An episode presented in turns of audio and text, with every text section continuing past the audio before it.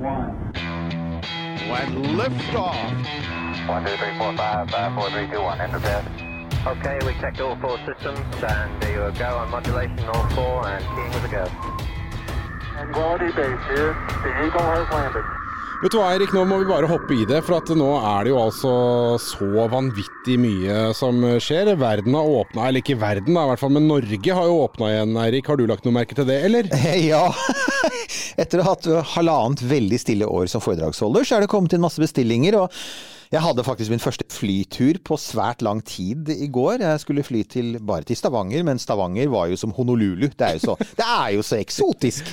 Og, og, jeg sto i en kjempelang innsjekkingskø på, eller sånn uh, sikkerhetskontrollkø på Gardermoen. fordi at jeg, i likhet med halvparten av alle andre som var der, vi hadde glemt at du må ta ut laptopen av sekken. Ta ut laptopen av sekken, folkens! Og, og, og sånn, fordi Ellers må du gjennom hele greia en gang til, for de må ta den ut, og så må de ta, smøre sånn greie på den i tilfelle du har en bombe i laptopen din. Så, så bare, bare, husk på det. Det er så deilig å registrere at på en måte Eller deilig er det kanskje, kanskje det er litt trist, jeg vet ikke, men det er et eller annet litt sånn fascinerende med å registrere at eh, folk har vært på ferie så lenge at de har glemt passordet på, på, på innlogginga på jobbmaskinen sin. Det er det, altså. Jeg må si det. det så det er, det er en sånn litt, sånn litt, merkelig følelse.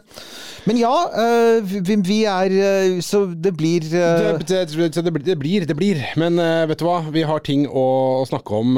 nå skal Masse. vi på en måte sette oss i kapselen, være her og, og kose oss med ting i verdensrommet.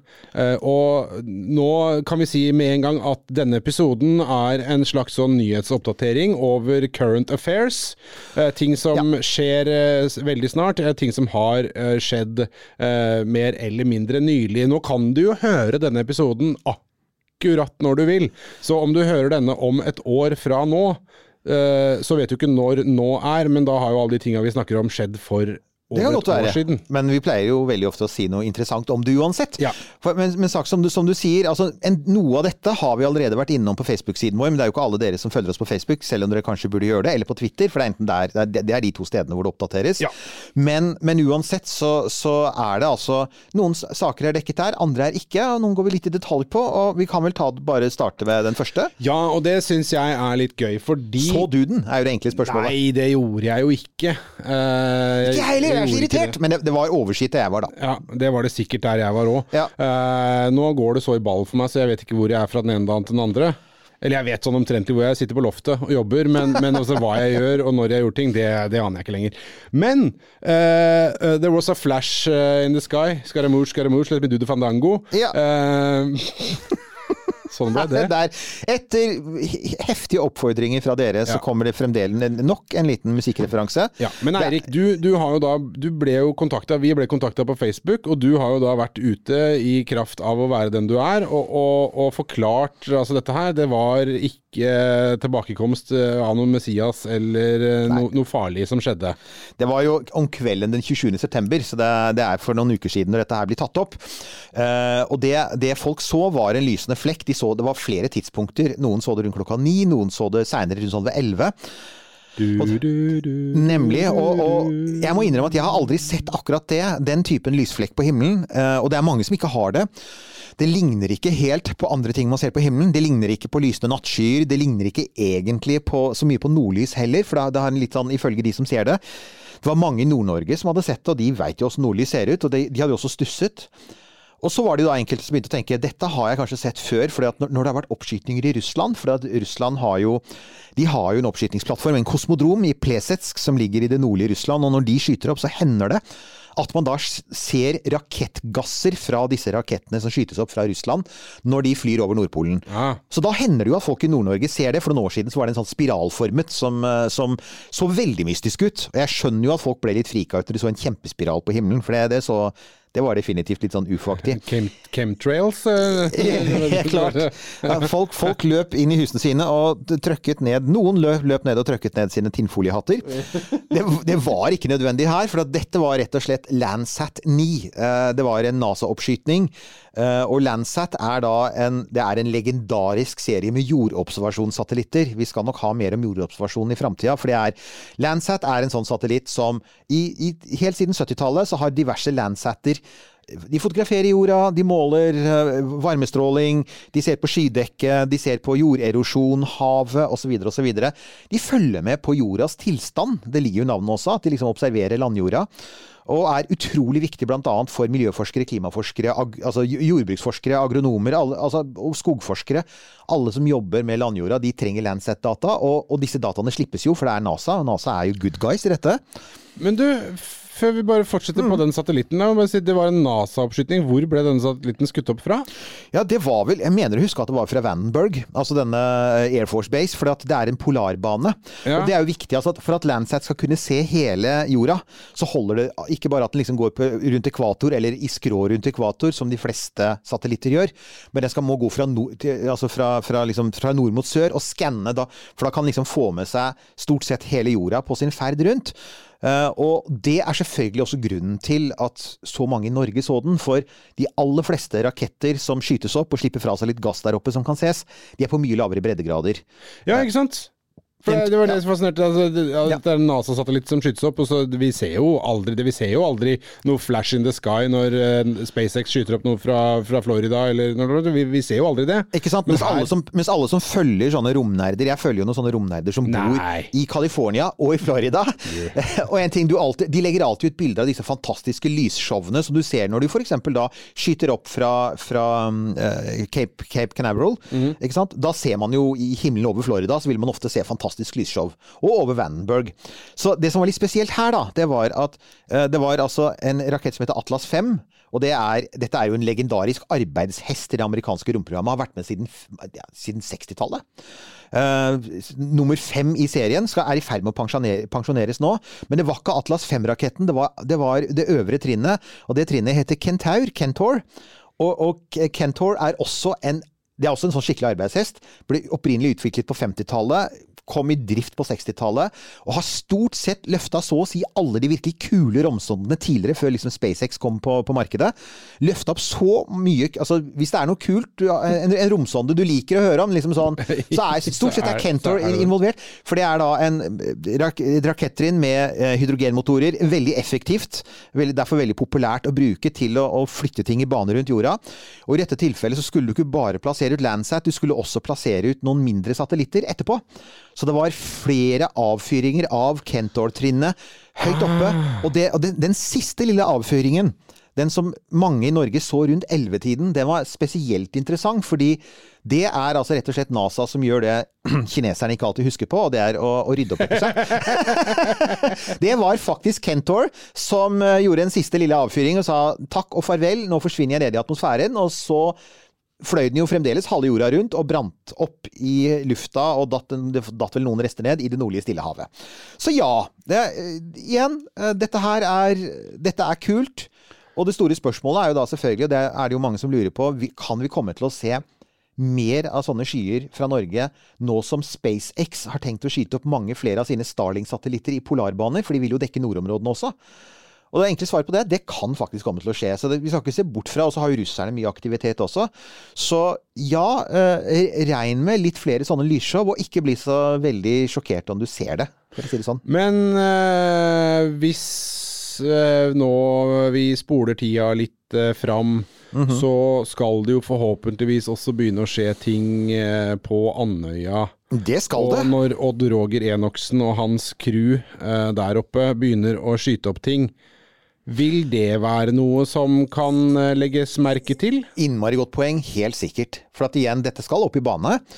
Og rakettene som skal skytes opp fra, fra Andøya, det er jo, eh, er jo fra eh, disse tyske rakettene. Rocket Factory Augsburg, RFA, er de som skal skyte opp den første raketten sin. Første, Jomfruturen skal jo gå fra Andøya, blir antagelig den første oppskytingen fra Andøya nå ser det vel ut som det blir nærmere 2023 før det skjer. Håpet var jo at det skulle skje litt før, men sånn er det alltid i romfarten. Det er alltid forsinkelser. Men ja, men dette, dette må vi faktisk det, Dette er et spørsmål vi kan stille Odd Roger når vi får han i studio igjen. Jeg har invitert han, han ja. er klar. Han var for så vidt villig til å hoppe på en Skype når som helst, men som jeg sa, det er aller best om han kommer i studio. Det er så, hyggeligere, det. Mye hyggeligere, og det blir mye bedre lyd og mye bedre stemning. Så vår, så, så, så vår kapsel her nede i Oslo, den er oppvarmet og klar til uh, neste gang Odd Roger er på våre trakter, og han, han, vet det, og han har takket ja. Så det kommer til å skje, folkens. Det skjer plutselig, tror jeg vi sier. Plutselig, plutselig en dag så har vi mer mer info om eh, Rocket Factory Augsburg og eventuelle lysflekker som kan dukke opp over eh, da særlig nordområdene, selvfølgelig. Ja, do not be alarmed. Ja, og det kan jeg si at her er det en fordel. altså Mange vil si at det alltid er en fordel å bo nordpå, uh, men her er det en ekstra fordel å bo nordpå, fordi at disse rakettene fra Andøya skal jo skytes nordover. De kan jo ikke skytes sørover, for da ja, da risikerer de jo, hvis noe går galt, å krasje i Oslo f.eks. Ja. Og er- Vi i Oslo vil i hvert fall ikke det. Det er kanskje mange der ute som syns det var helt greit, men, vi vil ikke det. Men hvem er de som sier at det er en fordel å bo nordpå? Altså, jeg, jeg sa det nå for at vi har lyttere nordpå. Jeg, Ja, jeg jo, jo, jo, men, du, men du, du sa at mange vil mene at det alltid er det. Så ja, det- nei, men det, det, er det, er, det er faktisk altså, Det hender jo når man skriver ting om Nord-Norge, så dukker det pleier alltid å dukke opp noen i kommentarfeltet som sier ja, men her er det best å bo. Og det er helt flott! Ja, ja. Det er kjempefint at du trives der du bor. Det var det jeg mente å det si. syns jeg er viktig. Det er Jeg mente ikke å starte en hissig regionaldebatt i våre kommentarfelt, folkens. Ro altså, dere ned! Vi har, vi har jo tidligere eh, liksom svevd litt ut på sånn eh, tynn is eh, på en del forskjellige ting, men, men la oss nå ikke gjøre det. Eh, dette er en, uh, en episode som handler om litt sånn current affairs-oppdateringer, så og da er det jo helt naturlig å ta en prat om eh, Merkur. Det gjøres altfor lite. Det gjør det. Og det har vi, altså, vi, vi får jo veldig mye henvendelser for tiden. eh, Og vi rekker ikke alltid å svare på alt så veldig fort lenger. Jeg pleide å si at det var, det var pinlig rask responstid. Den er ikke så pinlig rask lenger, dels fordi at både du og jeg har mye mer å gjøre for tiden, men også at det er mye som kommer inn. Og det er innmari mye gode spørsmål og mye gode betraktninger. Og en av de tingene det, det, det, Et veldig vanlig greie det er at folk sier Men dere har ikke sagt noe. Nå har jeg hørt på alt dere har gjort. Og det er snart 100 episoder. Ja. Og dere har jo ikke sagt noe om prikk, prikk, prikk. Og en som har dukket opp noen ganger nå eh, Pluto var en som dukket opp ofte. det har vi, Pluto har vi nå dekket. Men Merkur har vi vel nesten aldri nevnt, har Og vi det? dette er helt sant, og, og noe av grunnen til det er at det har vært litt lite utforskning av Merkur. Det fins altså, det har vært noen sonder dit, og, og Merkur er en steinklump, og den har for så vidt en interessant historie. Men saken er at nå skal det jo forskes mer på, på Merkur, fordi ESA eh, har sendt av gårde en romsonde til Merkur som da heter BP Colombo, som kanskje er det rareste romsondenavnet av alle. BP Colombo, det, det, vet du hva det høres ut som? Mm. Det høres ut som en sånn uh, artig barne-TV-figur. Ja! Ja, barna, alle barn, nå, kommer, nå skal BP Colombo ut og leke. Og how det bare sies, BP Colombo er altså faktisk navnet på en fyr. Det, han het egentlig Giuseppe Colombo. Eh, og, jeg, og, og kallenavnet til Giuseppe er da Bepi. Interessant, for at eh, Var det han eh, detektiven på, med sigaren som gikk på 80-tallet, som Colombo? Oh, ja! oh, ja. Eh, var Nei, nei, Co- Columbo, nei ja. nå, nå roter jeg meg Nå roter jeg, jeg, oss vekk igjen. Ja. Jeg tror det Dessuten så er det en referanse det som er fra yngre steinalder. Så. Men ja, det er sant. Det, Co- Co- Colombo, han er da Altså, jeg, jeg hadde en venn, eh, vi hadde en italiensk familie i blokka da vi vokste opp, og der var det en gutt som het Giuseppe, men vi kalte bare han for Seppen. Men jeg innser jo at Seppen er nok neppe det italienerne sier, så de sier da kanskje Bepi. Hvis det er noen italienere der ute, så kan dere gjerne legge inn en kommentar og si at ja, de heter Giuseppe, kalles som regel for Beppi. Men uansett, Beppi Colombo, han var da en matematiker som på 1970-tallet, var det vel, foreslo hvordan man kunne sende romsonder forbi planeter for å altså, Vi har jo hørt litt om dette, hvordan vi bruker, sender romsonder forbi Jupiter og Saturn for å øke farten. Ja, ja. New Horizons og sånn. Det, det BP Colombo påpekte, var at du kan gjøre det, det motsatte når du skal innover i solsystemet, for da vil du gjerne bremse opp. Ja. Så da sender du romsonder forbi jorda og Venus og Merkur for å f.eks. komme til Venus eller å komme til Merkur, for at du, du, du rett og slett sender dem motsatt vei og bremser dem opp. It's not the fart that kills you, it's the smell. Nem for eksempel. Yeah. og da, da er vi der. Altså, det er, altså For å få denne til Merkur, så, denne sonden til Merkur, så må vi altså passere ulike kloder til sammen ni ganger. Den har, den passer, den har allerede passert jorda én gang, det skjedde i fjor. Den har passert Venus to ganger. Nå passerte den Merkur, det er derfor vi nevner den. Og den skal passere Dette var den fjerde av ni passeringer, og det er altså fem passeringer til av Merkur før den liksom endelig går i parkeringsbane om noen år. Og da skal den surre rundt, og så skal den undersøke Merkur, og vi skal selvfølgelig lage en episode om BP Colombo. og Merkur. Og Merkur. Det skal vi gjøre. Men Ja. da har dere i hvert fall sånn The Short eh, Og det er, det dette, dette er 1920, eh, 1925, ja. 2025.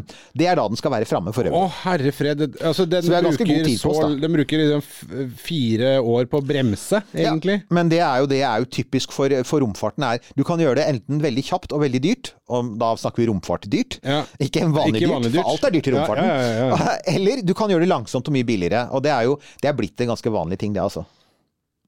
Ja. Og så da må vi videre til Mars. Ja, vi må jo vel alltid til Mars, må vi, må vi ikke det? Uh, ja, det er jo den røde planeten som vi liker å snakke om. Uh, Håkon her uh, skriver til oss Er Nei, det er, det er faktisk unnskyld, ikke det. Herregud. For en gangs skyld er det ikke det. Dette her er faktisk denne vår berømte, han som leder Håkon Grip, som vi enda ikke har hatt i studio, men som også står på ønskelista vår. Jeg, jeg, jeg, det, var, det var en som tok kontakt med oss og sa at han har faktisk dukket opp i en norsk pilotpodkast. Å ja, fuck ja, stemmer! ja, nemlig. Ja, det var, der var det flyve, noen flyvegreier som, eh, Ja. som tok innersvingen på oss. eh, Det var det, men det, altså, det er eh, og, og, og all ære til dem for det, for øvrig. Eh, vi, har, altså, vi dekker jo litt mer enn bare pilotting, men, er, men, men all ære til dem. Men altså, poenget er at han skrev en artikkel for en liten stund siden, og det var om denne dronen som folk har vært veldig opptatt av. Ja. Som har surra godt, og den har jo klart seg mye lenger enn NASA hadde forventet. Uh, For det var vel egentlig bare noen få flights den skulle klare, var det ikke det? Ja, den var det. Og det var jo litt forvirring rundt det sånn i starten, for NASA hadde ikke vært veldig tydelige på hva de egentlig tenkte på her. Men, men opprinnelig var planen at den skulle leve i to måneder etter, etter landingen. Så ble den ferden forlenget. Og så var jo saken, det som det Håkon Grip da påpeker i denne artikkelen sin, vi kan sikkert få lagt ut en lenke til den, det er at nå har denne ferden vart så mye lengre, altså den har nå fløyet så mye lenger enn det som var planlagt, at um, Mars har jo årstider som på jorda, og lufttrykket på Mars det varierer jo det også med årstidene. Så nå er man i ferd med å gå inn i en periode på Mars, en, en, årstid, der lufttrykket er lavere. Og det det betyr, er rett og slett at vingene, eller rotorene på denne lille dronen, har mindre luft å bite i. ikke sant? Lufttrykket er Ja, ja, lavere. ja. Den, er, den er rett og slett bygd for høytrykk, den. Den er bygd for høytrykkssesongen. Ja, fordi det, det, det som, det som eh, menigmann Halvorsen har fått med seg av, eh, av hvordan Ingenuity eh, fungerer, og eh, hvor, hvorfor den kan fly såpass kort, var jo fordi at disse rotorene som var ekstra lange, måtte spinne så innmari fort for å i det hele tatt få noe oppdrift i Ja. den tynne atmosfæren som eh, er på Mars. Eh, og nå sier du at det blir enda dårligere.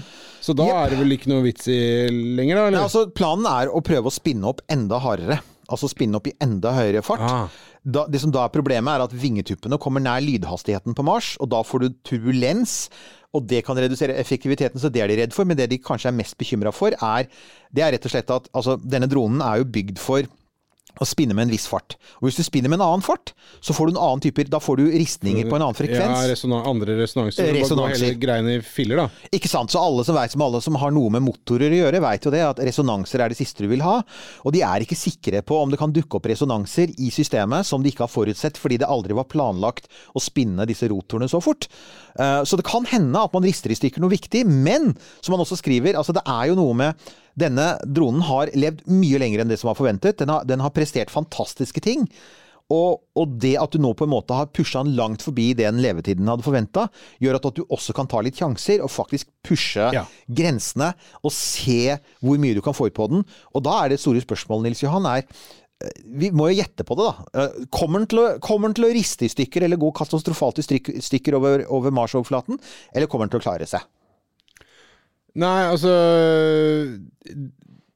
Det som jeg syns er interessant å registrere nok en gang, da, er jo at uh, denne redundanstankegangen når de konstruerer ting som skal til da bare sånn helt tatt ut av lufta Mars, eh, er tydeligvis så intens at ting blir overkonstruert til de grader at det varer så veldig mye lenger enn det de tror det skal gjøre. For det har, føler jeg har skjedd gang på gang Ja. uh, med ting som uh, har blitt sendt til Mars. Altså de forrige roverne også. Ikke sant? Eh, Nå husker jeg ikke farta navnet på den, men som bare gikk og gikk og gikk. og gikk, gikk, gikk, bare aldri, altså Det var den lille larven aldri mett, på, på et vis. Ikke sant? Spirit opportunity, ja. Ja, ja og så, så tenker jeg da at uh, her kan man jo oppleve et sånt tilfelle, men samtidig så er det jo et eller annet som er litt sånn skummelt med bevegelige deler. Uh, og når deler skal bevege seg veldig fort, uh, så ser jeg for meg at det ikke skal så innmari mye til før ting beveger seg fort, og til slutt ikke beveger seg i det hele tatt, fordi det beveger seg sjøl i filer. Ikke sant? Og det vi også må tenke på her, er at vi snakker om en drone som liksom i størrelse og i kapasitet Altså Hadde du kjøpt den i en spesialbutikk i Norge, så hadde den kanskje kosta 10 000-20 000 kroner. Og den koster jo i norske kroner mange milliarder, ikke sant egentlig. Det er mange hundre millioner dollar vi snakker om. Så en, en, en, en, en drone til en milliard eller to Vi forventer jo at den har litt redundans. Jo, jo, jo, det er greit. Det og det, og det, har, det har den jo i aller høyeste grad bevist allerede at den har. Mm. Og så kan man jo si, eh, som du er inne på også, at men so what nå, da? Det gjør kanskje ingenting. For det er, jo ikke, det er jo ikke som om man skal bruke den til noe etterpå. Nei, det er akkurat det.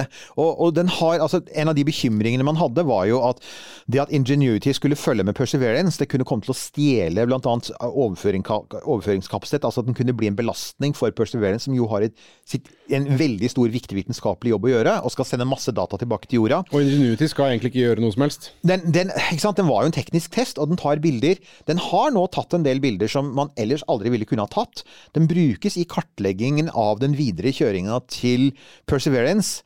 Men, men jeg, jeg tenker jo også at det er klart, skal man være helt ærlig, så er nok det, det du vinner der, er nok relativt marginalt. Men hva, hva vil man eventuelt kunne vinne av eh, innsikt og, og ny kunnskap ved å pushe den til maks, da? Jeg tror, altså En av de tingene man ønsker å gjøre, er å, å sende den av gårde på, på enda lengre ferder. Altså se hvor, hvor, hvor langt den kan kjøre uh, holdt på å si, og klare seg uavhengig.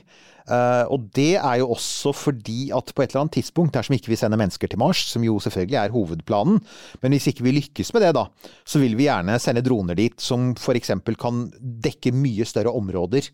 Og da er jo alle de lange droneferdene vi kan gjennomføre nå, er jo av stor verdi.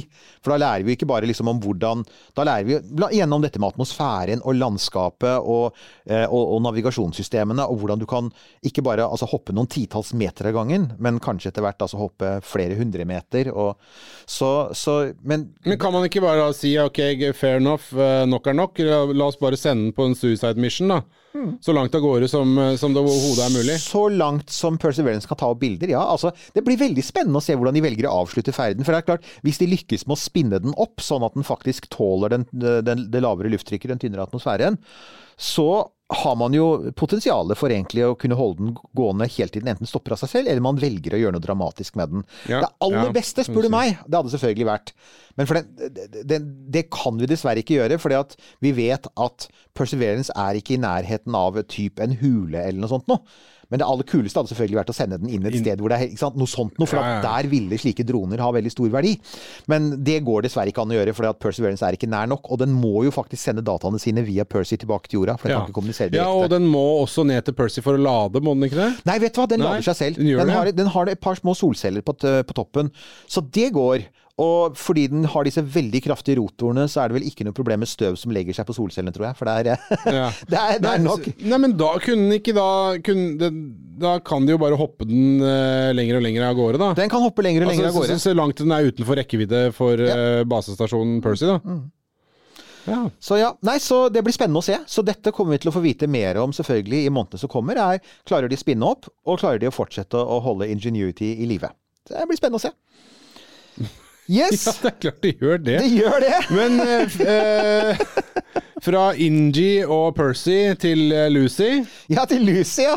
Ja, nei, Det er jo en særing. Eh, Men det er altså igjen Det hender jeg kaller dette ikke sant? Dette er podkasten som skriver seg selv, for det skjer alltid noe. Og jeg hadde helt glemt det, men altså ehm, denne måneden vi tar opp, da, oktober, i slutten av denne måneden, da skal en romsonde som heter Lucy skytes opp med en, igjen en Atlas 5. Det er altså Mye enklere navn å huske enn Bipi Colombo. ja, og uh, Lucy er for øvrig oppkalt etter dette veldig berømte fossilet av et tre millioner år gammelt urmenneskebarn. Ja, okay, og det ja, er fordi at det er delvis sånn litt tematisk, fordi at man ønsker å dra til en del av solsystemet hvor man tror man kan finne tre milliarder år gamle fossiler, for å si det sånn. Oi. Eh, og saken er at denne romsonden den skal skytes opp med en Atlas 5 og vel også da en Kentaur øvre trinn. Den skal fly av gårde mot Jupiter, men den skal ikke til selve Jupiter. Den skal fly til sju forskjellige asteroider som går i bane nær Jupiter, det som da kalles for trojanere. Og det er, og da må vi bare sånn kjapp recap. Det, vi har snakket tidligere om disse Lagrange-punktene, hvor vi da annet har dette, eh, vår, vår favoritteleskop, James Webb-teleskop, Ja, som ja. skal til et sånn stabil... Det er stabile punkter rundt planetbaner, Uh, James Webb skal til ett sånn stabilt punkt rundt jordbanen. Uh, mens trojanerne er asteroider som naturlig havner i et annet stabilt punkt nær Jupiters bane. Så ca. noen hundre millioner kilometer foran Jupiter så finnes det en sky av små asteroider som går i bane i samme størrelse bane som Jupiter. Og også bak Jupiter så finnes det en annen sky med asteroider. Og dette er antagelig asteroider som har blitt, blitt fanga inn av gravitasjonen og havna der og vært der i milliarder av år. Vet, man ser at de er der, så man vet at de fins, men vi har selvfølgelig ikke nærbilder av dem. Og man mistenker at fordi de ligger der de ligger, så kan det være ekstremt gamle og rare asteroider. Så derfor så har NASA funnet ut at de skal vi besøke. Og det er gøy! Ja, og, og, og, og ja. Ja, dette er veldig gøy. Dette er jo eh, astropaleologi. Helt Eller noe riktig. eller sånt noe. Ikke sant? Det er akkurat det det er. Tenk hvis de finner eh, noe ordentlig sånn frekke fossiler der. Ikke sant? Oi, oi, oi. Altså det de Oi, oi, dinosaurer de- in space. Du kan- ser den filmen? Yes, om ikke helt det, da. Om ikke helt det, så er det de håper på. Drømmen er å finne noe som ligner på uh, vi snakket, i, I vår episode om Pluto så snakket vi om denne rare uh, objektet som de fløy til etterpå, det som først het Ultima Thule, og så ble Ja. hetende Arokot. Ja. Denne rare sånn dobbelt, oransje dobbeltklumpen som svever helt i yttergrensen av solsystemet. Det er noen hint om at noen av de asteroidene som ligger ute ved Jupiter, faktisk kan se sånn ut. Og det de da håper på, det er at istedenfor å slippe å reise helt ut til Pluto for å se sånne asteroider, så behøver du bare reise til Jupiter i fremtiden. Så, så de kan spare masse tid og penger på å undersøke eldgamle, altså eldgamle rester av solsystemet. Astropaleologi. Paleo, ja. paleo, ja, men paleo, Astro- det er vel, de er vel sånn paleoastronomi? Ja. Paleoastronomi, Ja, paleoplanetologi, et eller annet et sånt. noe. Så, men igjen, da. Lucy er også da, som denne vår venn BP Colombo, uh, den må svinge frem og tilbake litt. Og det er jorda den skal gjøre. Så den, Mm. den skal svinge flere ganger forbi jorda for å liksom sånn Den svinger mellom jorda og Jupiter. Det er en helt vanvittig bane. Den skal bruke tolv år. Å, ja. Og, og, og stille og er, vet du hva?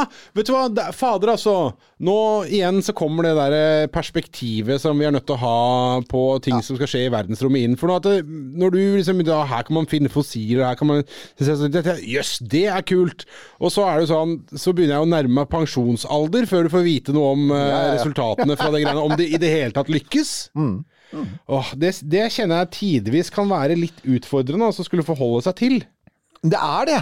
Og, og, men samtidig, da, så har jeg veldig denne følelsen av at vi er virkelig inne i en sånn gullalder for alle typer romfart. Også romsonder. For kan vi være enige med at det sendes jo romsonder i alle retninger nå? Ja, Altså, og, og det er så mange som er planlagt også. Ja, det er, og det er jo kjempegøy. Ja. Men det er kjempegøy at man hører om det, og at det skjer. Men samtidig så er det en sånn bitter ettersmak, da, nettopp med dette her perspektivet. At ja, det er en romsonde som sendes ut på et innmari gøy oppdrag. eh, og det er helt hinsides eh, teknologi og, og hvordan man planlegger at dette skal gjøres. Det er jo gale menn ikke med, med budsjetter som, som finner på disse tinga. Eh, men så er, så er det sånn åh, ja ja, så må du vente fra du begynner på barneskolen til du går av med pensjon for å finne ut Mm. noe om disse objektene de skal undersøke. Og der kjenner jeg at det blir At jeg sliter litt med å holde motivasjonen oppe. Skjønner, jeg, altså, det er en av de egenskapene ved, ved romforskere særlig. For at, altså, de som faktisk jobber med romsonder. Tålmodighet. Det er tålmodighet, for de, altså, de fleste andre forskere har mye kortere tidsperspektiv tross alt. Da.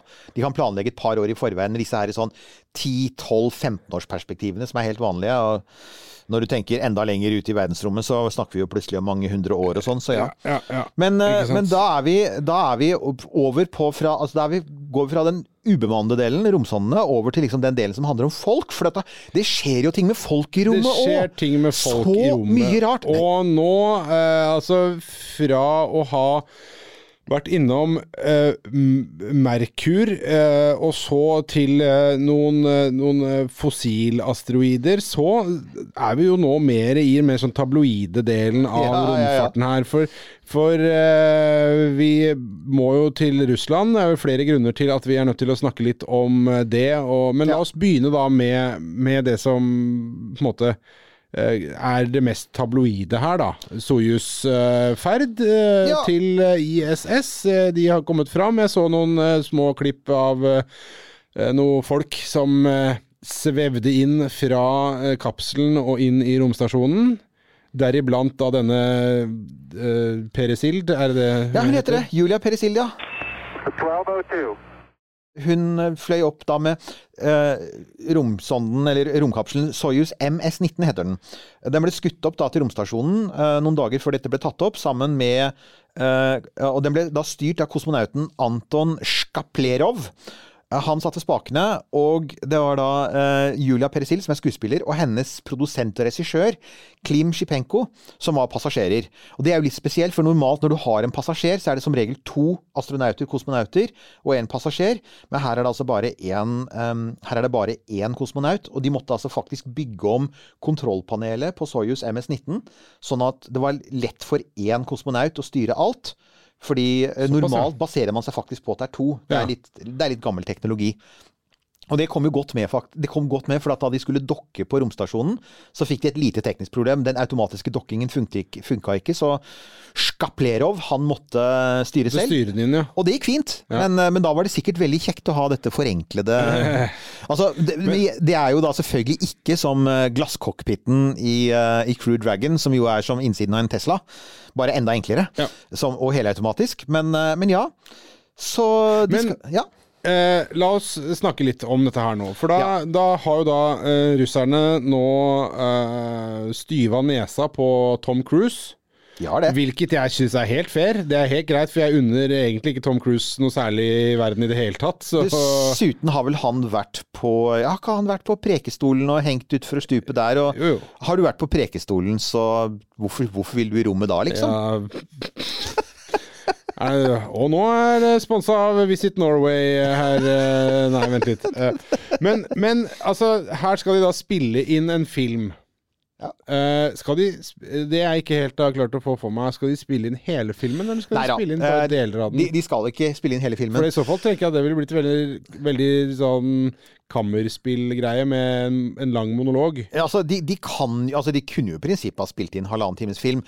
Som en av våre mange lyttere påpekte, så er det jo faktisk spilt inn en film i rommet. Men det er jo ikke noen spillefilm, og det er da heller ikke en film laget av profesjonelle skuespillere og regissører. Det er en kortfilm, nå husker jeg ikke navnet på den, men, eh, men det er jo altså fascinerende. Det, den, den første filmen i rommet er, som, som ikke er sånn eh, dokumenter... Dokumenter- Ok. Er det, de, de, de har laga det? Ja, men det er, det er mange år siden. Dette her er en ekte spillefilm. Det er, det er en film med ordentlig budsjett. Uh, og, og plottet Filmen heter The Challenge på engelsk, er det de vanligvis oversetter det med. Utfordringen, eller hva det er. Uh, uh, og Julia Peresild hun spiller en hjertekirurg som heter Zenia. Og ifølge det man finner på nettet nå, da. Og Zenia hun har et slitsomt og problematisk liv, bl.a. tenåringsdatter nede på bakken, så jeg antar at ganske mye skal tas opp i Moskva. Og så får hun plutselig beskjed om at det er en kosmonaut som er blitt syk i rommet. Han har fått hjerteproblemer, og han kan ikke fraktes til jorden. fordi at da overlever han ikke ferden ned. Han må opereres i rommet. og Derfor så må da eh, Zenia skytes opp i en Soyuz, og hun må gjennomføre hjerteoperasjonen. Og eh, kosmonauten som da er syk, skal selvfølgelig spilles av en av de kosmonautene på ISS. Eh, Ja. Og i det hele tatt så kan du si at uh, de som er med i filmen i, på romstasjonen, de er jo selvfølgelig kosmonauter i virkeligheten. Bortsett fra Peresil, som ikke er det. Ja. Eh, Men her må jo sies da at, hun har jo da faktisk gjennomgått, som alle som skal opp med Soyuz, så har hun gjennomgått kosmonauttrening. Hun har gjennomgått eh, liksom sånn, sånn the basics i hvordan du overlever i en romkapsel. Og også overlever en røff landing utenfor steppene steppen i Kasakhstan. Som jo man må regne med hvis man flyr i Soyuz. Så har, og, og, og russisk TV har fulgt dette tett, da. Så akkurat som Mens vi har fulgt Inspiration 4, den serien eh, ikke sant, om disse Ja, fire, Ja, ja. så på Netflix så har russisk, russisk TV har jo parallelt med dette i hele høst, så har de, så vidt jeg har skjønt, jeg har sett noen klipp, vist da hvordan har det gått med Julia og, og, og backup eh, for- for en annen skuespiller, en annen Stemmer, dame. det var vi jo innom tidligere her eh, og snakka om. Og det har gått litt rykter om at Julia Peresil slet en periode. Det så jeg at noen russiske romtvitrere, mens enda tvitret fritt, det kommer vi snart tilbake til, var litt opptatt av å si at det så ut som hun slet litt, og at det mulig, var mulig at hun skulle bli byttet ut. Det ble hun ikke. Og hun smilte da bredt da hun fløy Ja, inn da, i hun så jo veldig fornøyd ut eh, der hun ankom eh, ISS. Eh, eh, det jeg eh, stusser på, eller det jeg lurer på, da, er eh, hva kom først her, høna eller egget? Har de laga en film ut ifra muligheten for å sende eh, skues en skuespiller eh, opp til ISS, eller har, eh, var dette en film som allerede var planlagt og ville ha blitt løst på annet vis hvis en sånn ferd ikke lot seg gjøre? Um, Altså, Det jeg har sett, da, er at det ser ut som det har, at det har ligget i kortene ganske lenge at russerne har villet gjøre noe sånt nå. Det var helt sikkert en inspirasjon for dem at eh, det begynte å komme snakk om at Tom Cruise skulle lage en film i rommet. ja. For øvrig må jeg bare si, for øyeblikket er statusen til den ferden til Tom Cruise er veldig usikker. fordi at på ingen av de listene over hvem som skal opp til romstasjonen de nærmeste året, ser man Tom Cruise sitt navn. Så det er litt usikkert når Men det skal skje. Men kanskje han gjør det mm, som, som eh, de gjør sånne regissører vet du, som har regissert en film som de ikke vil stå inne for etter klippen. Så er det sånn Alan Smithy. Ja, ja, Alan Smithy, må se, ja, må se etter noen sånne navn. Sånn John Doe, Alan Smithy. John Smith, eh, et eller annet sånt noe greier. Hvis du begynner å se noe L. Ron Hubbard eller et eller annet sånt, noe, da veit du at da er eh, Tom Cruise som skal opp. Eh, garantert. Ellers er det sånn da at um, de, de, altså, de, de er faktisk, mens vi sitter og snakker nå, Nils Johan, så er de antagelig i gang med å gjøre opptak. For Ja. de har jo ganske begrenset tid. Det er jo litt spesielt her, da. Eh, Det er ingen som mener at en, en, en, en relativt utrent kosmonaut, eller kosmonautkandidat da, som Pere Sild og, og eh, han eh, regissøren, at de på en måte skal være der oppe så lenge som de profesjonelle, og dessuten ta opp plass og bruke ressurser. Så de skal sendes ned igjen ganske fort. De Ja, men jeg syns jo de, de skal jo Jeg ble litt overraska, for de skal jo være 15 dager eller noe de skal være der oppe. Det er, Så akkurat det. var De, de, det er akkurat det. De flyr jo ned igjen 17. oktober.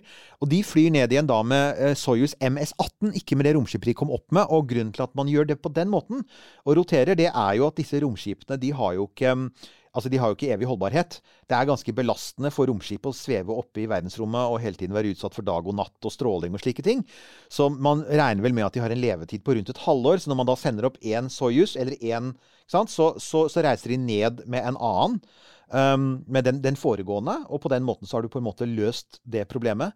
Du må da, jeg tror En av de tingene du må gjøre, er faktisk du må ta setene ut av den du kom opp med, og flytte den inn i den du skal ned med, fordi setene er formstøpt etter oh, ja, den. ok. Det, de er faktisk individuelle. Oh, ja. uh, men det det betyr, da, er at Soyuz MS-19, som de reiste opp med, den blir jo da hengende rundt til, til, til mars neste år. Og han som egentlig skulle ha reist ned med Soyuz MS-18, eh, amerikaneren Mark Van de Hei, eh, astronaut som er der oppe nå, han får da Var det han som fikk eh, aldri så lite grann lenger oppå? han, han fikk det! Han kommer da, Sånn som det ser ut nå, så kommer han faktisk til å sette rekord for amerikanere i rommet med 353 dager minst i bane. Så, men saken er, jeg, hvis du følger han da på typ Twitter, så vil du se at nei, han er, virker glad og fornøyd. Han virker som han har det bra. Så han sier yeah, whatever. Et halvår til. Ja, ja. Og, jeg, og for å si det sånn, når han, når han er amerikaner, og når han sier det på Twitter, så tror vi på det, mens vi da har havnet litt i den uhumske situasjonen Ja. at det er ikke helt så enkelt med det som kommer fra Russland. Det ble faktisk bare for noen dager siden plutselig mye verre. Ja, for eh, vi har jo det, det som slo meg da, eh, når jeg så det, så tenkte jeg at eh, nå blir Eirik eh, glad. Var det første jeg tenkte. Dette er topp for, eh, for romtwitteren.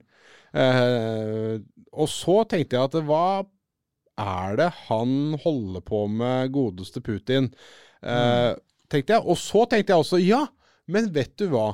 Vi har jo tidligere sagt at skal du få noe gjort, så trenger du å være et totalitært regime som kan true eh, dine fremste forskere og vitenskapsfolk eh, med ei kule, hvis ikke de liksom upper gamet sitt og, og får greie på tinga. Eh, og det føles nesten litt sånn at vi er liksom tilbake til eh, stalinismens eh, Sovjet, altså. Putin strammer inn. Det er helt tydelig at han gjør det. Han strammer veldig inn på ytringsfriheten i Russland. Det er jo ikke akkurat noe ukjent i det. For å si det sånn, altså jeg har jo en eh, jeg, jeg får jo vite kanskje mer om det enn mange. For um, det fins en, en, en organisasjon som heter Norske Penn, som er sånn for, forsvarer ytringsfrihet og forfattere og journalister i andre land. Eh, min søster er generalsekretær der. Min lillesøster Hege hun er generalsekretær i Norske Penn. Ja. Så jeg hører ganske mye. Og jeg veit jo bl.a. at situasjonen i Russland har vært alvorlig lenge. Ja, ikke sant? Og nå blir det jo enda verre. ja, for, for å si det sånn, det dør russiske journalister stadig vekk. Og man, man klarer aldri å løse disse mordene. Uh, men det er jo sterke mistanker om at det er regimekritiske journalister som blir drept av eh, regimevennlige folk, eller regimet selv, selv om ikke det nødvendigvis er bevist. Det som skjedde var i forbindelse med det siste valget i Russland, så gikk Putin ut og, og sa at utenlandske uavhengige medier uh, var egentlig utenlandske agenter. Ja, stemmer. Ikke Ja. sant? Som, bare, som først og fremst ville skape uro og kritikk av myndighetene. Uh, og alle, var vel skjønt, alle utenfor Russland var skjønt enige om at dette er et forsøk på å undergrave de mediene som ikke hører til, som ikke er kontrollert av Putin og vennene hans. Eh, og det som skjedde nå for noen dager siden, var at man skjerpet inn dette, eh, dette kravet til også å gjelde dekning av russisk teknologibransje og romfart. Så det er 60 forskjellige ting som nå de som dekker romfart, og det gjelder ikke bare medier, det gjelder også vanlige folk i sosiale medier, nå er nødt til å passe seg for. Og hvis de skriver om det, så må de altså faktisk hekte på en sånn liten disclaimer som sier at dette materialet, eller denne rapporten, er blitt skapt eller distribuert av utenlandske massemediekanaler som oppfører seg som en utenlandsk agent og eller en russisk legal entity, hva det betyr på norsk, som oppfører seg som en utenlandsk agent. Du må altså tagge deg selv som utenlandsk agent hvis du er en russisk tvitrer som skriver om f.eks. romteknologi, eh, budsjettene til Roskosmos, hvor det har vært mye spekulasjoner om hvor de penga egentlig havner, det lave lønnsnivået i Roskosmos, Russlands NASA, det er også et problem, ikke sant? Hvilke land de samarbeider med, om de samarbeider med Kina, som er interessant. Alle disse tingene her. Da må du tagge deg selv, så må du si 'jeg er en utenlandsk agent'. Ja.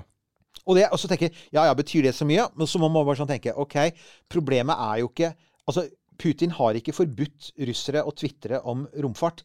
Men han har forbudt dem han, han har jo begrenset inn muligheten til å tvitre om hva de vil. Og ikke minst, det skjer mot en bakgrunn av at folk faktisk forsvinner eller blir drept. Ja, for jeg tenker sånn Så- Men det, det er Altså, du trenger ikke å forby noe, men man kan jo si sånn at eh, dere må gjerne gjøre hva dere vil, men da kan det hende at dere havner der og der. Og det er det man da gjerne kaller for chilling effekt. Det er det Ja. man gjerne sier. Altså at du får en ned... Og dette har vi sett på andre områder også, altså jf. diverse sånn karikaturstrider vi har hatt opp gjennom de senere årene. er at du- trenger ikke Altså, du behøver ikke å forby alt. Men hvis du, hvis du slår til mot noen, så blir veldig mange nervøse. Eksempelets makt. Eksempelets makt. Og det er det vi er redde for. Så det sier er at det vi antagelig kommer til å se, er at fra russisk side så blir det mer uinteressant. Det sier flere kjente russiske romtvitrere. De kommer nå til å stort sett tvitre om amerikanske ting. Og når de tvitrer om russiske ting, så vil det ofte være retweets fra Roskosmos. Og det, som er, det tristeste med det er at Russland er jo i en vanskelig situasjon. Roskosmos sliter med kvalitet og lønn og korrupsjon uh, og, og alt dette her. Og, og samarbeidet med Kina. Det er mange sånne ting som er veldig Man lurer veldig på hva som skjer nå. De klarer jo ikke å produsere nye romkapsler. De klarer ikke å produsere nye raketter. De bruker mye gammel teknologi. Så eh, jeg, jeg tenker at dette er jo sånn selvskudd i foten. Altså for at hvis du vil, hvis du vil ha liksom sånn smarte, unge folk til å jobbe for deg, så er det klart at Ja, da er det Det er jo ikke oppfordrende og oppmuntrende, det som skjer, men på den annen side så kan du si at uh, da kan de jo true, da. De kan true. Eh, og så altså, får ingen vite om det, eh, og så kanskje det funker. Ja, nei, altså, og jeg tenker er sånn altså, Amnesty International og, og ingen andre er særlig glad for det, men eh, det kan jo hende det skaper resultater. Og til syvende og sist, i en knallhard verden, så er det jo det som gjelder. Ja, altså det er åpenbart så ligger det en slags logikk bak det. Så langt så har det jo ikke gitt veldig gode resultater for russisk romfart. Vi får jo se. ja. Men det er i hvert fall sånn, sånn at dere veit det, at hvis det blir litt mindre dekning av russisk romfart i diverse ting, så har det en grunn. Det er at russerne selv faktisk skrur igjen krana. Men, øh, men det, så, det gjør jo ikke amerikanerne, for å si det sånn. Nei, Den eh, krana står vidåpen. Den står vidåpen, for der er det jo markedsøkonomien som styrer og skaper glede. Og så er det jo morsomt eh, nå, da, at eh, ytterst på Amazon-dildoen Ja, så tuppen. Tuppen av tuppen, he, bare, bare tuppen. Så eh, er det en gammel kjenning som eh, nå skal få lov til å reise opp i verdensrommet. Eh, jeg er usikker på hvor Jeg vet ikke. Jeg føler fortsatt ikke at Bezos vinner noen sånn eh, popularitetskonkurranse med dette her. Eh, fordi ja, det er jo artig at Captain Kirk endelig skal få lov til å komme i verdensrommet. Eh, altså da den opprinnelige Captain Kirk, eh, som heter Hva er det han er heter for noe? William Shatner. William Shatner, ja. skal få lov til å endelig reise til verdensrommet. Var det et sånt forsøk på Er, er det sånn han snakker? Ja, har du ikke sett eh, Du Jo, jeg har jo sett gamle Star Trek. Jeg har jo sett, ja. eh, Jeg da er vokste opp på sånn, gamle Star eh, Trek. Det er stort sett det jeg har sett. det var så lenge siden! Altså, han, må jo sies da, han setter jo ny aldersrekord, for han er altså faktisk 90 nå. Det var ikke jeg klar over, men han er 90. Uh, men ser fremdeles ut til å være i god form. Man har jo sluppet noen bilder av han hvor han går rundt og ser på dette. Ser på, en oppskytning, ser, ser på oppskytningsplattformen. Uh, hvis du først er 90, så tror jeg det er en god idé at du, du velger Bisos-ferden, for den er jo kortvarig. Ja. Ikke sant? Det er, det det er fem si. minutter i vektløshet. Det er, hele ferden gjennomføres på under tolv minutter. ja. Uh, og, og det er nok like greit, men jeg tror du har rett i det med at det virker jo egentlig som et ganske sånn åpenbart uh, forsøk på å prøve å vinne tilbake litt positiv PR etter den totalt katastrofale sommeren. Ja, og jeg tror ikke den her eh, måte er veien å gå. Altså Det du kommer til å gjøre, da, er jo at du, du, du får jo en liten sånn stjerne i margen hos uh, Trekkies. Eh, altså Ja. Die Hard Trekkies vil nok synes at det er gøy. Men hvis ikke jeg husker helt feil, så er jo William Shatner en ganske eh, omstridt fyr. Ja. Som har noen svin på skogen som ikke gjør at han nødvendigvis er liksom sånn første Den som først får gullmedaljer for å være et godt menneske. La meg, altså, vi, igjen en av mine, våre favorittfilmer, Galaxy Quest. ja. Eh, hvor eh, Tim Allen har, i praksis spiller uh, William Shatner-rollen. Uh, og det er ikke noe spesielt positiv fremstilling, nei. Litt sånn høy på seg selv, og ja. Det, det, det, du har helt rett. Han, han, han er nok Altså, det har nok mildnet for han er blitt så gammel. Og mange av de, nesten alle de andre som var med, er nå døde. Ja. Så han er igjen. Uh, men, men først og fremst så hefter det jo utrolig mye ved Jeff Bezos og selskapet hans. Og han kan sende opp så mange gamle science fiction-filmstjerner han bare vil. ja. Og det vil jo ikke hjelpe. Og, og, og bare så det sagt, Blue Origin, som er selskapet Jeff Bezos, og som drifter disse rakettene som da uh, Shatner og tre andre som jeg nå har glemt navnet på, skal opp med. um, er i kjempetrøbbel for tida. Altså, de klarer ikke å fullføre rakettene sine, det vet vi jo. Eh, De klarer ikke å få ting opp i rommet. De, klarer, de prøver å saksøke seg eh, opp i rommet. Hele som- verden hater dem. ja, ja, nei, det, er som, som, det er som Elon Musk liker å si. De prøver å saksøke seg til verdensrommet, og det går ikke. Og nylig så det, var det en tidligere ansatt som hadde et rasende angrep på bedriftskulturen og sikkerhetskulturen. Eh, de har mistet mange ansatte til konkurrerende selskaper. Man sier at Jeff Bezos er mer på jobben enn han pleide å være, og at det ikke er en god ting. fordi det betyr bare for at det, Tidligere så sa man at problemet er at vel, i motsetning til Elon Musk, så er Jeff Bezos er aldri på jobb i Blue Origin. Han har bare satt ut til andre, for han vil egentlig drive Amazon. Vel, det kan godt være, men nå ser vi at han er på jobb, og det vi da får, er den ene, det ene teite utspillet etter det andre, og det ene søksmålet etter det andre. Så Raketten hans skal fra nå hete Låsut 1, 2, 3. ut five. Og det 5. bitreste av alt er selvfølgelig at eh, hovedkonkurrenten SpaceX Ja, folkens, vi måtte komme til dem òg. Det er like sikkert som Werner von Braun, det. Så, men men Oh, det er jo en grunn til det, da. For at, altså, SpaceX, la, la oss bare si det, enn så lenge så er SpaceX, er, som amerikanerne sier, on a roll. De er, det er veldig lenge siden de har hatt et alvorlig uhell. De fortsetter å spytte opp raketter. Og de er for øyeblikket de i USA som faktisk leverer mannskap opp i rommet. Uh, og nå er det altså Crew 3, den tredje ferden med mannskap opp til den internasjonale romstasjonen, skal opp i slutten av måneden. Slutten av oktober. Uh, Starlink, dette satellittnettverket deres, det ruller og går. Eh, det skal visstnok gå ut av beta, altså full drift fra neste år. Og da skal det også komme en mindre bakkestasjon som er enklere å ha med å gjøre, som sikkert mange vil sette pris på. Og så kommer da det som kanskje er bitrest for eh, hele den resten av den amerikanske rombransjen. Det er Mm. noe som nettopp har dukket opp. Just In. Um, Dun, dun, dun. Det finnes jo en annen romkapsel der ute. Vi har nevnt den av og til. Det har ikke vært så mye å si om den, for den, det har stort sett bare vært trøbbel med den. Boeing Starliner, ikke sant? Ja, ja. Det var liksom de to kommersielle kapslene som NASA ga penger til. Boeing fikk dobbelt så mye penger som, eh, som SpaceX for å bygge Starliner. Starliner er enda ikke sendt opp på sin første ubemannede testferd, fordi den første nesten endte med katastrofe pga. softwareproblemer. Den andre ble kansellert i sommer fordi 12 av 24 av rakettdysene som skal styre sonden, ikke fungerte. De var, altså- hadde tetta seg til. Det er et problem som enda ikke er løst. Det siste jeg så, er at det ser ikke, en, det ser ikke engang ut som de har demontert disse rakettdysene. Så man, man er ikke i gang. Så det NASA nå nettopp har sagt, er sorry, men det, to av de som var, skulle vært på det første mannskapet på Starliner, er nå overført til Crew Dragon. så Crew 5-ferden i slutten av neste år, slutten av 2022. Crew 4 skal opp til våren. Crew 5 skal opp til eh, ISS i slutten av 2022. De skal da få to, en kvinnelig og en mannlig astronaut som skulle vært med på Boeing Starliner. Uh, og nå er Ja, nå er det, Det, det det er helt har vel ikke vært sånn generelt sett voldsom medgang for Boeing eh, de siste åra? Boeing Sånn totalt sett. Ikke sant. Og nok en gang så har det vært snakket mye om at dette ikke bare handler om flaks og uflaks, det handler mye om bedriftskultur. Uh, og, og måter å jobbe på. Og jeg må jo si at et selskap som tross alt har vært i rombransjen siden 19, nesten 1940-tallet, tidlig 1950-tall De har jobbet med raketter ikke sant? Siden, siden Werner von Brauns dager. Uh, og, og at de skal slite sånn med en type Altså rakettdyser, da. Altså rakettmotorer er liksom Det er kjent teknologi.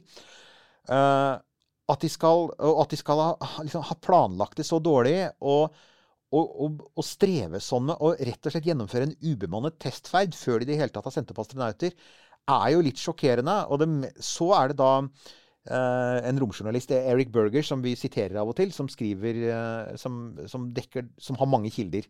Han har snakket med kilder i Boeing, og det er jo faktisk verre enn som så. fordi det man har lurt på, er selvfølgelig altså Alle vet at Crew Dragon den skal være der lenge, til den blir erstattet av Starship. Um, Men hva skjer med Starliner? Altså, jo, de fikk penger fra NASA til å bygge en romkapsel, men betyr det at Boeing fra nå av og liksom sånn i tiår framover skal ha et tilbud, da? F.eks. skal de kunne sende opp eh, romturister. Det fins jo et ekstra sete i Starliner som Boeing faktisk kan selge til romturister. Så viser det seg da at um, Boeing hadde, har, sier nå at det eneste raketten som skal få lov til å skyte opp Starliner, det er Atlas 5. Det er tredje gang vi nevner den. Denne arbeidshesten. Ja. Den skal pensjoneres. Det er under 30 Atlas 5 igjen i hele verden. Eh, det, altså det er bare et spørsmål om tid, så er man ferdig med den for alltid. Hvilket vil si at det er bare x antall Starliner-ferder. Og så sier Boeing egentlig at det ser ikke ut som det kommer noen flere. Den eneste andre raketten som de faktisk kunne tenke seg å skyte opp med, den heter Vulcan. Og det er da eh, erstatningen for Atlas 5. Og den trenger rakettmotorer fra Blue Origin. Jeff Wiesel sitt selskap. Og de har ikke levert de rakettmotorene. Hvor er rakettmotorene, Jeff? Så, så i det hele tatt altså Bottom line her, da. Det er at det eneste romselskapet som nå går helt på skinner, som faktisk har en høyere aktivitet enn hele Kina, det er SpaceX. For, for øyeblikket går alt på skinner for SpaceX. Det eneste som henger litt igjen akkurat nå, er Starship. Og det er jo faktisk ikke SpaceX som bestemmer, det er amerikanske luftfartsmyndigheter. Ja. De er klare til å skyte opp. Ja. Amerikanske luftfartsmyndigheter, bare for å ha en sånn helt på slutten, en kjapp oppdatering på det. Starship står klar på plattformen, den. Den, Den- gjør det, ja. Den, den er, altså, de, de, de, de satte den nettopp opp og tok den ned igjen, for de driver og tester forskjellige ting. Men om de får klarsignal, så tror jeg de kan ha Starship i, eh, oppe i verdensrommet i løpet av et par uker.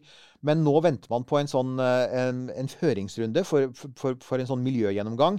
Men de som har sett på disse papirene, sier at det ligger an til at de får godkjenningsstempel. Det gjør det. Eh, men det betyr likevel, med tanke på alt som skal frem og tilbake og sånn, så betyr det likevel at det neppe Bikker vi året? Eh, Vi bikker nok året før vi får en oppskytning. eh, så det blir i hvert fall en forsinkelse på seks måneder i forhold til det som Elon Jo, jo, men så har jo han vært en tidsoptimist av dimensjoner Han også, Han har det, og, og som han vel har påpekt, hadde ikke dette miljøkravet vært der, så hadde de nok sendt opp i sommer. Sier han elbilprodusenten. Sier elbilprodusenten. Ja. ikke sant? Så han screw miljøet. Og så, men det, man da spørs, det, det, det store spørsmålet blant romentusiaster i USA er jo ikke egentlig det. De vet at Starship skal opp. Spørsmålet er kommer prototypen av Starship opp før prototypen av Space Launch System, den, store, den siste store måneraketten som NASA noensinne kommer til å bygge? Vet du hva, jeg har lyst til å bare si ja. SLS. Og jeg tror vi sier ja. For det Ja. Vi bare Vi, vi gidder ikke å diskutere det der mer engang, ja. Et av problemene som SLS har, er jo at et av selskapene som står sentralt i byggingen av det, er Boeing. Og igjen, Boeing sliter tungt! De sliter tungt med å få til raketter. Så, så ja, man kan, man kan si hva man vil om uh, Musk og, og Starlink og, og Starship og alt dette her, at det er mye rart som foregår. Men de fikser også the basics. Falcon 9 fortsetter å spytte opp satellitter i alle retninger. Crew Dragon fortsetter å levere folk jevnt og trutt og trygt. De gjorde nettopp en kommersiell feil, Inspiration 4. Så det ser jo ut som de har god kontroll. Starlink, dette satellittsystemet som tydeligvis skal bli tilgjengelig i Norge fra etter nyttår, det går jo på skinner. Så det er jo helt tydelig at de. Tydeligvis, sier du. Hva? Tydeligvis skal bli tilgjengelig. Dette her vet du veldig godt. Du står på venteliste for å få abonnement du på, på den der internetten der. Ja, du sier noe. Jeg, jeg, vær jeg gjør jo faktisk ikke det. For jeg bor jo et sted hvor, jeg bor et av de stedene hvor det ville passe utrolig dårlig å ha det. Ja, du kommer til å flytte til et eller annet sted hvor det Ja, passer men dårlig. det er, men Eller passer da- godt. det er helt sant. Det er helt sant. Hvis Hvis folk lurer på hvorfor han med sykkelen i byen, som aldri kjører bil, og som Har du lappen? Nei. Nei, der har du det. Hvorfor han plutselig kjøper seg en pickup og flytter ut, eh, ut til en sånn hytte med bare vedom i grisgrendte strøk. Ja. Det er fordi han skal surfe på internettet via Starlink. Så jeg sitter der og spise rått hjortekjøtt. Det Yes. er helt riktig. Ingen tvil. Så, så det, men du, vi får bare ta en liten avrunding her. Eh, La oss ta en avrunding her. Uh, vi sier igjen, høres igjen neste gang. Tusen takk til alle som er med og holder romkapselen flyvende, og som sørger for at vi er mer i parallell bane med Starship og SpaceX enn både Bezos og, og Boeing. Ja. Eh, tusen hjertelig takk, og takk til alle som eh, kjøper T-skjorter. Eh, og som støtter oss på på Vips. Vips. Eh, romkapsel, Newt og Halvorsen der. Eh, det er den samme Vips-kontoen som sender deg et eh, krav om penger hvis du har kjøpt en T-skjorte. Um, Og så er det de sosiale mediene våre. Ja. Det er heftig med aktivitet på Facebook. Vi svarer fremdeles på spørsmål og slike ting hvis dere spør. Det tar litt lengre tid enn vanlig, for det er mye av dere. Men likevel, vi er der. Og på Twitter, selvfølgelig. ja, og så har jeg lyst til å bare komme med en kjapp liten eh, forespørsel. Fordi det eh, skjedde helt uoppfordret her eh, forrige dagen.